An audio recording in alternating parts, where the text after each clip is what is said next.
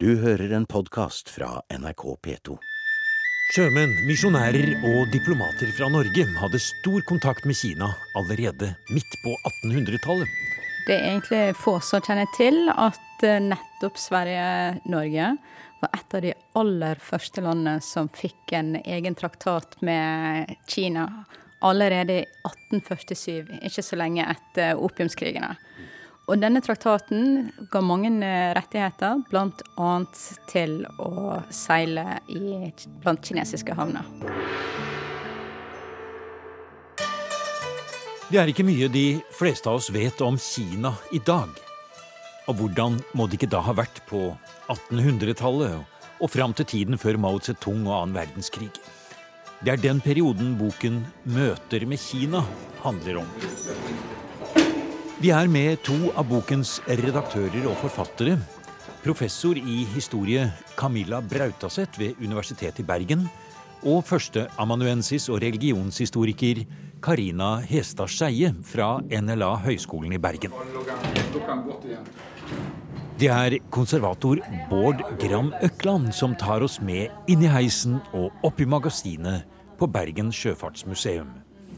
Vi er på jakt etter hvordan Kina, Hongkong og Shanghai har satt sine spor i den norske sjøfartshistorien. Og her trekker du ut skute etter skute. Nicaragua fra Bergen. Ha, fantastisk. Se på den samlingen av Med malerier. Det, og dette er jo i seg sjøl en fantastisk kilde til sjøfartshistorien før du får foto. Sant? Her går det tilbake til 1700-tallet, veldig mange fra 1800-tallet. Og det er Bergenskip. Eh, det er Napoli.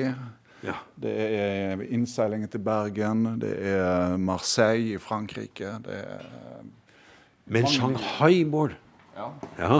Det finnes det Der har vi et, ja. Her har vi ett skip. Ja. Det har tilhørt Christian Michelsen. Eh, det er dampskipet Florida. Og du ser eh, svart skrog, det er master på det, det er gul skorstein med svart stjerne på, og sildesalaten bakerst. Eh, og det som er litt artig, er jo detaljene på, i bakgrunnen her. Her har du jo en kinesisk sånn uh, Er det en junke? Junke, heter ja. det. Ja.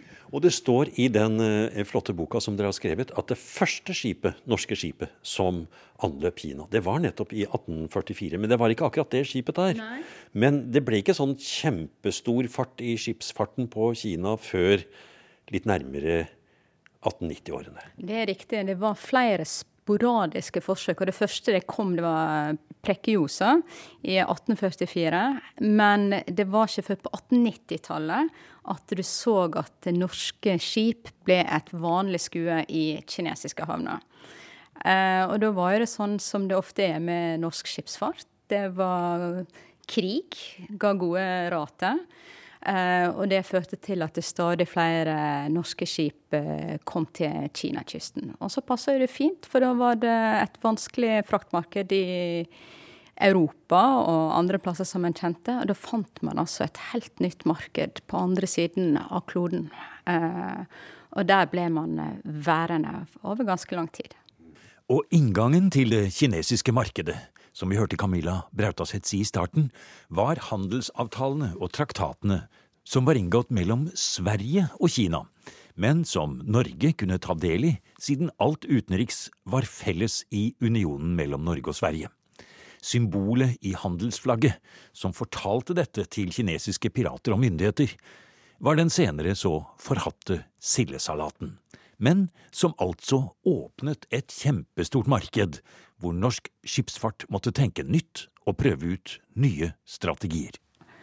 Dette er det første markedet vi vet der norsk skipsfart spesialiserte seg i dampskip. Det er også et av de første markedene der man finner nye former å slutte kontrakter på. Man går over fra å ha handelsfart og handle i spotmarkedet, til å inngå avtale enten på tid, det såkalte time charters, eller for enkeltfrakt, altså sertepartier. Uh, og i tillegg også, som uh, kanskje man kan le litt av, men det ligger jo også en kulturell læring her også. Fordi eh, en holdt jo veldig lenge på ting en kjente, inkludert skipsnavn, sjøl eh, til tross for gode råd fra konsulen. Så står Ja, for båtene het sånn Haldis, Urd og Torleif og sånn. Ja. Men de skulle egentlig hett noe helt annet. Ja, de måtte ha noe som at her i Kina, så betyr navnet mye. Så kall de for hell, flaks, eh, lykke, harmoni. Futa, eller hva det var. Ja, ja, ja.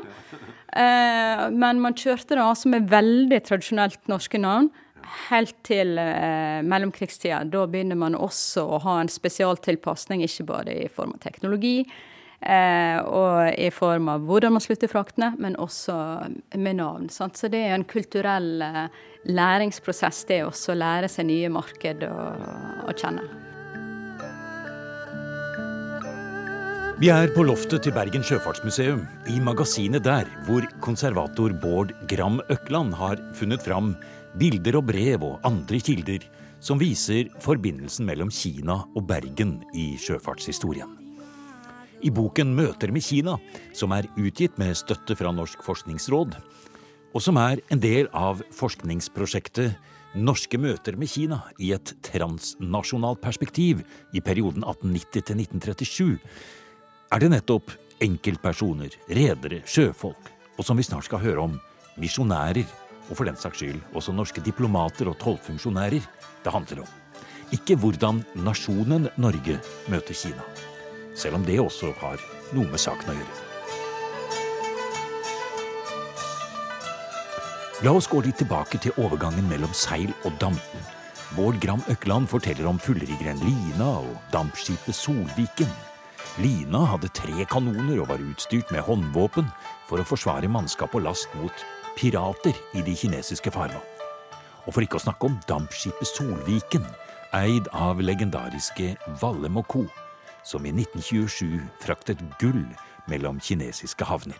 Og hva har du her? Ja, Dette her syns jeg var, var utrolig stilig. Altså, eh, det er en dokumentmappe som lå i arkivet. Hvis vi åpner den, så finner vi masse utklipp.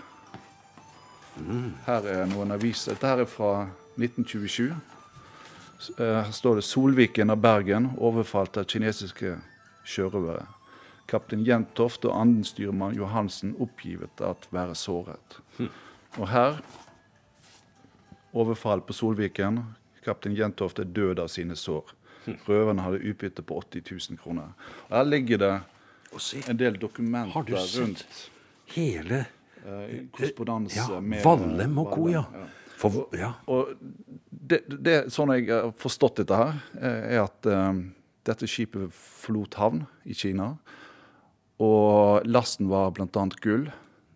Og pirater hadde gjemt seg om bord i skipet.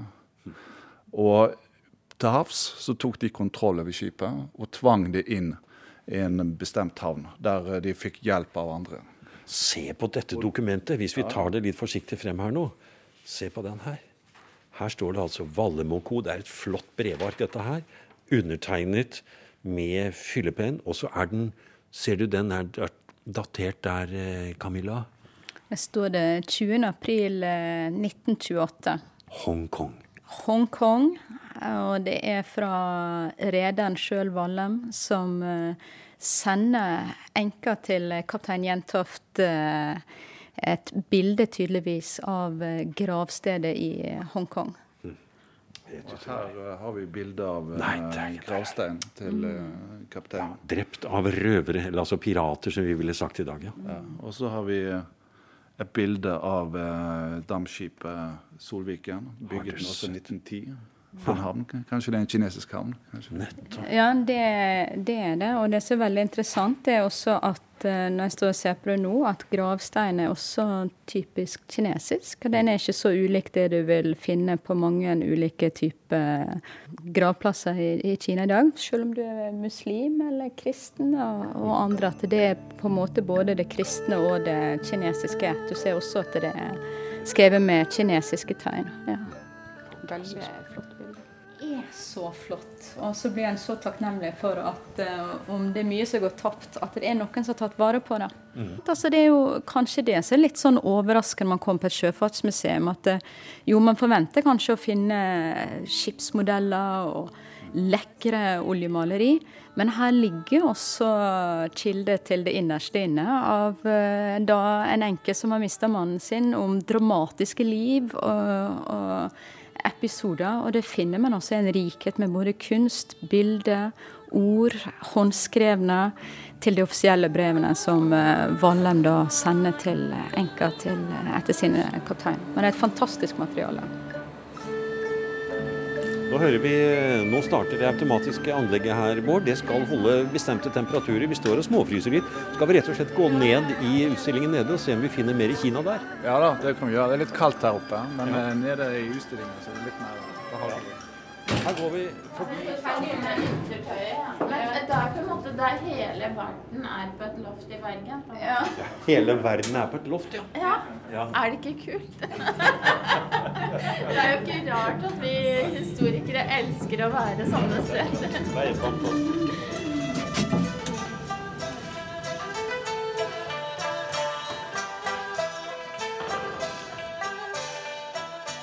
Egentlig er det ikke en mengde av ting fra Kinafarten, verken på Sjøfartsmuseet i Bergen eller andre sjøfartsmuseer.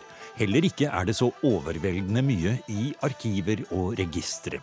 Nettopp fordi skutene ofte ble leit ut til tredjepart, anløp andre havner før de kom til Kina, eller rett og slett at det kun var norske offiserer og lokalt mannskap på de norske skutene som gikk i sertepartier på Østen. Og når vi tenker på kontakten med Kina, som en del av den norske migrasjonshistorien, sier Karina Hestad Skeie, så får vi et helt annet bilde enn når vi snakker om eksempel utvandringen til Amerika eller andre verdensdeler hvor nordmenn slo seg ned for godt. Både sjømenn, diplomater og også misjonærene kom som regel hjem til Norge etter endt tjeneste. Ja, og det er ganske viktig å få det perspektivet på disse gruppene og aktørene som reiste til Kina samtidig. Men det gir også en viktig, et viktig supplement til norsk migrasjonshistorie. Fordi i parallell med de massene som du da som, da, som regel utvandret for godt, eh, hovedvekten av de kom jo ikke tilbake til Norge selv om det var litt eh, blandet der så har du i parallell eh, litt mer spesialiserte grupper og mindre, i mindre omfang. Eh, sånn som eh, misjonærer og diplomater og eh, næringslivsfolk, sjøfolk, som drar fram og tilbake mellom Norge og da i dette tilfellet Kina. Og som ved endt yrkeskarriere returnerer for godt og tilbake til Norge og ja. Hvis vi, hvis vi tenker litt antall. Hvor mange misjonærer, f.eks., var det på slutten av 1800-tallet i Kina fra Norge? Eh, kilder på hvor mange nordmenn som var i Kina på eh, gitte tidspunkt, det er ikke så mange kilder på. Den første vi har funnet, er jo Altså det er Nordmannsforbundet som publiserer eh, kilder, og 1911 så anslår den da Da har den telt liksom alle de nordmennene som er bosatt i Kina da. 256. Eh, og de angir også hvilke yrkesgrupper eller hva de jobber med. Eh, og så er den neste vi har sett på, det er 1925. Da er det rundt 600. Så da ser man jo at dette øker i den perioden vi ser på. I hele perioden som eh, vi studerer fra 1890 til 1939, eh, så er misjonærer den største yrkesgruppen av norske migranter i Kina. Eh, og det er interessant av flere grunner, også i forhold til et kjønnsperspektiv. Fordi det er i misjonærgruppen at kvinner er i flertall. Eh, det er ikke spesielt for Norsk misjon. Det er et kjennetegn ved alle protestantiske misjoner i denne perioden at, eh, at eh, det er flertallet kvinner. For det er både gifte kvinner og ugifte kvinner. Mm. I boken Møter med Kina er det også mange tankevekkende artikler om hvordan kineserne så på møtet med utlendingene som strømmet inn på 1800- og 1900-tallet. For eksempel hvordan det fantes kinesere som var kristne på sin måte, lenge før de lutheranske misjonsforeningene sendte ut sine misjonærer. Allerede på 1700-tallet hadde europeiske jesuitter drevet misjon i Kina. Og det er en lang historie av kinesere som har tatt kristendommen og forstått kristendommen på sin måte. Eh, og kombinert den med det som er sentralt i kinesisk liv og selvforståelse og eh, religiøse praksis. Det går, gikk veldig fint å være god eh, kinesisk katolikk og samtidig gi ære til forfedrene. Og det er jo en av de tingene som man kanskje ikke tenker så mye over at flertallet av de som jobbet i bl.a. Norsk Misjon, men også andre landsmisjoner, de var jo ikke nordmenn eller eh, amerikanere eller engelskmenn, det var kinesere. Og det, det gjorde alle, alle de kristne misjonene gjorde det fra første stund.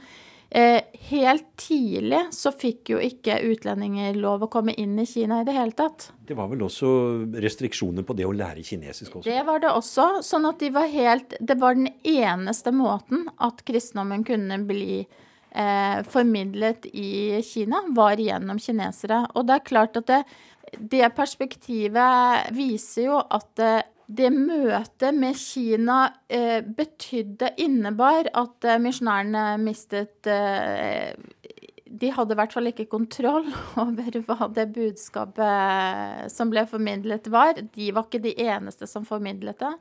Og, og de var rett og slett avhengig av kinesiske mellommenn eh, for, som introduserte de eh, og ufarliggjorde de i, i lokalsamfunn.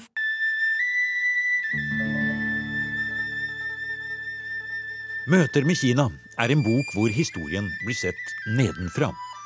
Det handler om enkeltmennesker. En hel vev av spennende historiske tråder som også tar med seg de store internasjonale hendelsene. Med opiumskrigene, folkelige opprør, krigene med Japan og for den saks skyld det første offisielle besøk fra Kina til Norge. Som overrasket den unge nasjonen i 1906 og fikk fart på både kong Haakon og dronning Maud der oppe på slottet. I dette programmet kan vi bare gi noen små eksempler fra boken, og vi kommer ikke utenom den myndige tante Sofie fra Bergen, eller Marie Monsen som hun het. Ifølge Karina Hestad Skeie satte hun en alvorlig støkk i kinesiske røvere, og ble verdensberømt i hele den kristne verden. Ja, det er en veldig fascinerende historie. Er, hun ble rett og slett Den kapringen gjorde henne, som du sa, eh, berømt for, for, måten hun fortalte om hvordan hun taklet det på. Og dette skjedde inn i april 1929. På dette tidspunktet så gjorde jo ikke hun uh, ifølge seg selv da noe uten at hun hadde sjekket med Gud først. At uh, det var dit han ville hun skulle gå. Så hun hadde da eh, fått for seg at Gud ville at hun skulle dra med akkurat dette skipet. Sånn at eh, når hun da eh, Når skipet ble kapret Det var jo eh, kaprere som hadde gjemt seg Pirater som hadde gjemt seg om bord på skipet og var med. Altså lata som de var vanlige passasjerer. Men fordi at hun var eh, overbevist om at hun var der At det var Guds vilje at hun var der, så fikk hun på en måte et sånt eh, rom, det er min tolkning, da, til å, å, ikke se seg selv som et offer, men til å være mer på alerten. Hva, OK, hva er det Gud vil at jeg skal gjøre her, da?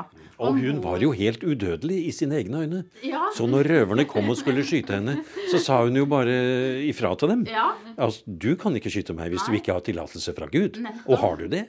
Ja, sant. Og, og, hva vet moren din om at du holder på med dette her? Hun altså, som vi sa, en, en myndig dame fra Bergen. En myndig dame fra Bergen sa, hun. ja. Og kinesisk, ja. Ja, ja, ja, selvfølgelig. Og, men det er jo, har jo vært litt viktig for meg å å kontekstualisere Marie Monsens iscenesettelse av seg selv i denne historien. Men det som viser at Som på en måte kan være med på å forklare hvorfor de tok vare på henne da, og fant seg i eh, denne da hyperkristne tante Sofies eh, eh, klare meldinger, eh, var at hun var en veldig verdifull passasjer som de nok håpte å få løsepenger for.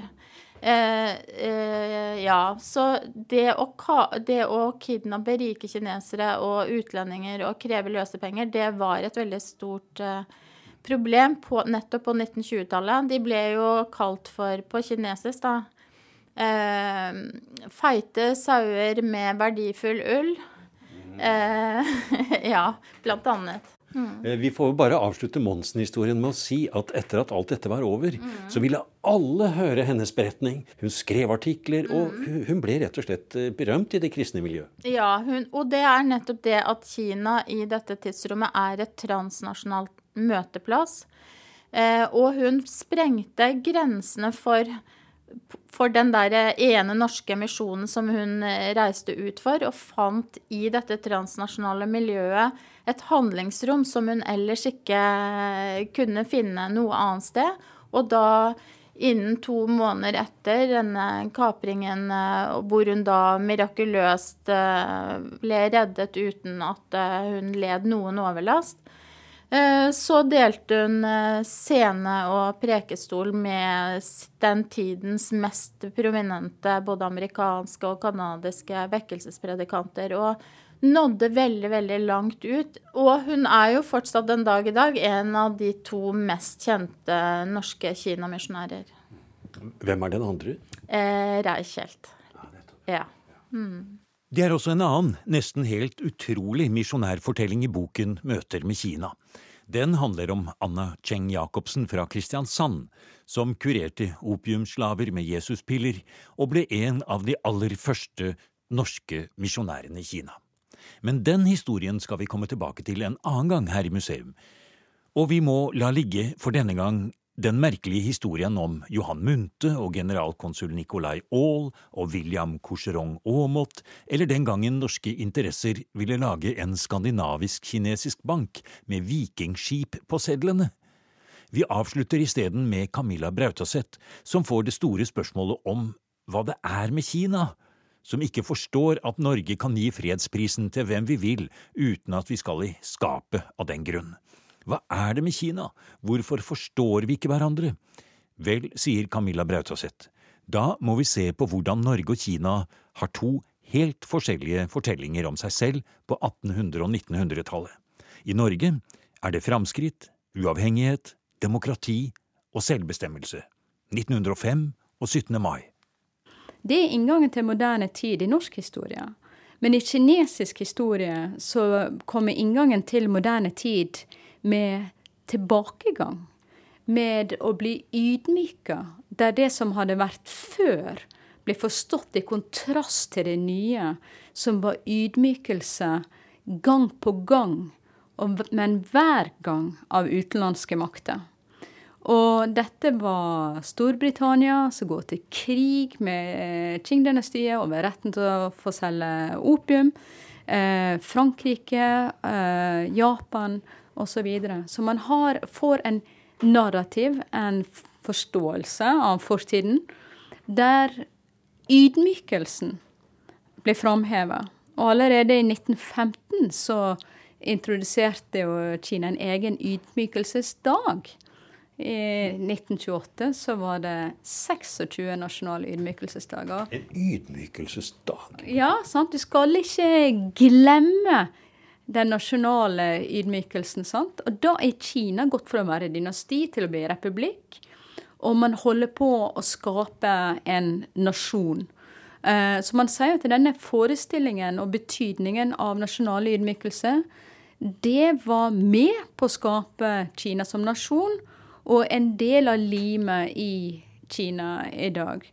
Men sett fra et norsk ståsted så må vi gjøre litt i tankene, sånn som misjonærer og sjømenn gjorde. Altså vi må være villige til å bevege oss for å forstå. Eh, og, og, det mener jeg at eh, mye av det som var eh, del av det offentlige ordskiftet etter Liu Xiaobo fikk fredspris i 2010, var jo denne sånn Kina er sinte på oss. Eh, vi forstår ikke helt hvorfor, sant? Eh, og, og, det var veldig lite eh, forsøk på å omsette reaksjon til ja, hvorfor reagerer de sånn, hva betyr det?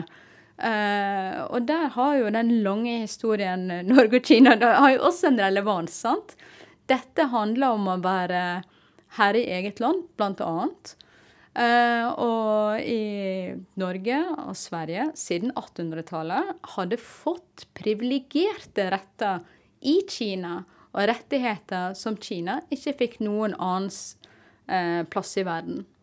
Så i samme periode så den norske historie er i ferd med å plukke vekk privilegiene, altså hun sier at det privilegienes tid eh, er over, flere og flere får frihet, næringsfrihet osv., så, videre, så får man nye privilegier. Men bare de privilegiene er i andre plasser i verden. Blant annet i Kina. Blant annet i Kina, ja. Dette er en del av den lengre fortellingen om nasjonal ydmykelse fra utenlandske makter. Så kan man være enige eller uenige i den eh, forståelsen, men man må være nysgjerrig nok til å forstå at det er den som styrer handlingene.